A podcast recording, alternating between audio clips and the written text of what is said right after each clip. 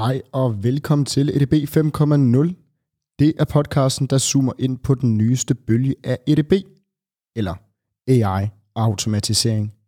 Vi tager tech op af kælderen og ud i forretningen.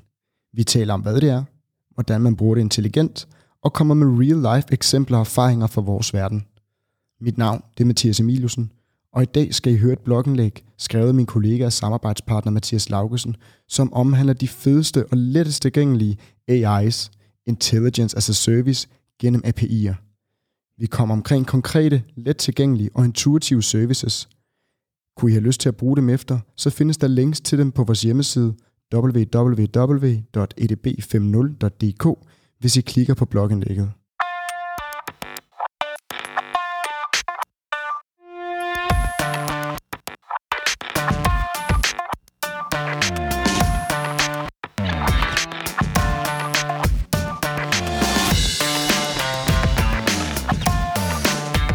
De fedeste og lettest tilgængelige AI's, Intelligence as a Service, gennem API'er.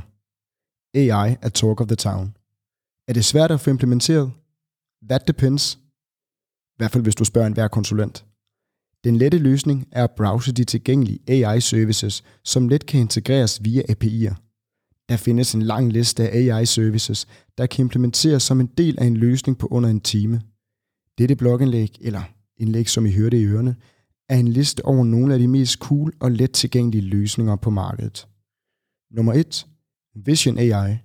Det klassificerer objekter på billedet. De mest prominente udbydere er blandt andet Google, Microsoft og Amazon. Nummer 2 er Facial Read. Det kan identificere køn, alder, udtrykte følelser, fokus og meget andet. Nummer 3 er bilidentifikation. Det kan identificere bilmærker og model gennem billedgenkendelse. Nummer 4 er Fashion Object Detection, som kan identificere hvilke stykker tøj eller accessories der er på et billede, samt finde disse eller lignende stykker tøj på webshops.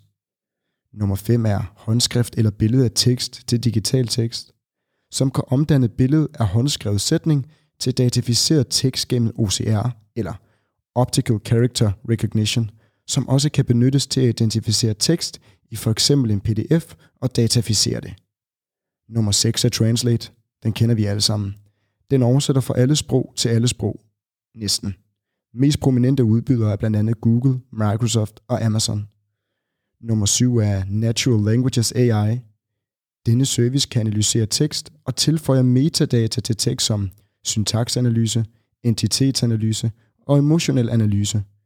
De mest prominente udbydere her er også Google, Microsoft og Amazon. Nummer 8 er Speech to Text som kan omdanne en tale til tekst. De mest prominente udbydere er igen her Google, Microsoft og Amazon. Nummer 9 er Text to Speech, som kan omdanne tekst til tale, altså lige omvendt af speech to text. Gæt en gang, de mest prominente udbydere er igen her Google, Microsoft og Amazon. Og nummer 10 er en Summarize Bot, som kan generere et referat af store mængder tekst. Hvis bare man kan opstille et workflow, hvor flere af disse API'er indgår i, så kan man ofte overkomme nogle barriere, såsom sprogforståelse i API'et. For eksempel kunne det være en dansk tekst, som oversættes til engelsk, som så forbruger en summarize bot, og som så laver en oversætning af det her summary til dansk. I den her forbindelse skal man dog være opmærksom på, at kvaliteten af outputtet er godt nok. Og en lille note her til sidst. Husk at læse op på databehandlingsaftalerne, der ligger bag ved brugen af disse API'er, før man implementerer dem.